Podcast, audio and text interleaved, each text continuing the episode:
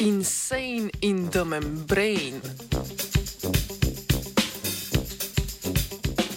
Nedavno smo v znanstveni redakciji poročali o vlogi možganskih ovojnic oziroma mening pri poškodbah možganov.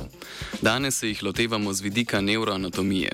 V obstoječi literaturi se lahko poučimo o obstoju treh možganskih ovojnic: debelejše zunanje ali dure, arahnoidne srednje in tanke notranje, ki jo imenujemo pija. Nedavno objavljena študija dansko-britanske raziskovalne skupine pa predstavlja dopolnitev omenjeni delitvi. Odkrili naj bi namreč četrto možgansko ovojnico.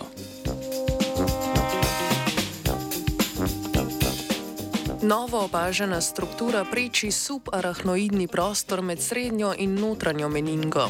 Po tem prostoru se pretaka cerebrospinalna tekočina, ki v kombinaciji z glialnimi celicami igra vlogo pri izpiranju odvečnih metabolnih produktov možganskih celic. Omenjeni sistem je poimenovan glimfni sistem in je možganski analog limfnega sistema.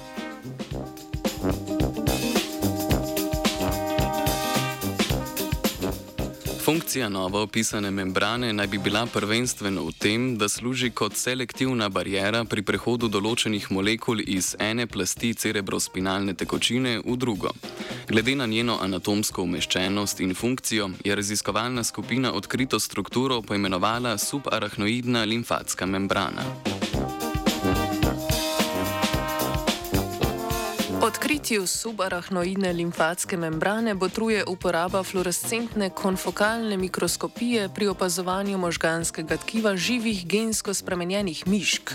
Pri miškah se med izražanjem določenega proteina, povezanega z delovanjem glimfnega sistema, izrazi tudi reporterski zeleni fluorescenčni protein.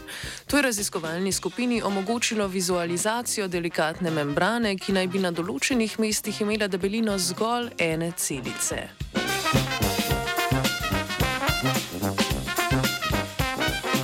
Raziskovalna skupina je delno potrdila tudi neprehodnost membrane za molekule z molekulsko maso večjo od 3 kliodaltonov, kar že vključuje številne proteine in peptide prisotne v cerebrospinalni tekočini. To nakazuje na regulativno vlogo membrane pri prehajanju teh molekul znotraj deljenega subarachnoidnega prostora.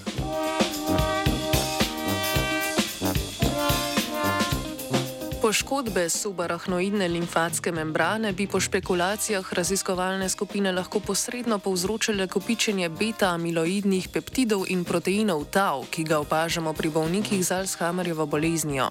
Raziskovalke predvidevajo, da bo odkritje nove anatomske strukture pripomoglo k boljšemu razumevanju toka cerebrospinalne tekočine in izpiranja metabolnih produktov možganskih celic. Posodobitve neuroanatomskih učbenikov se nadeja žiga. Three.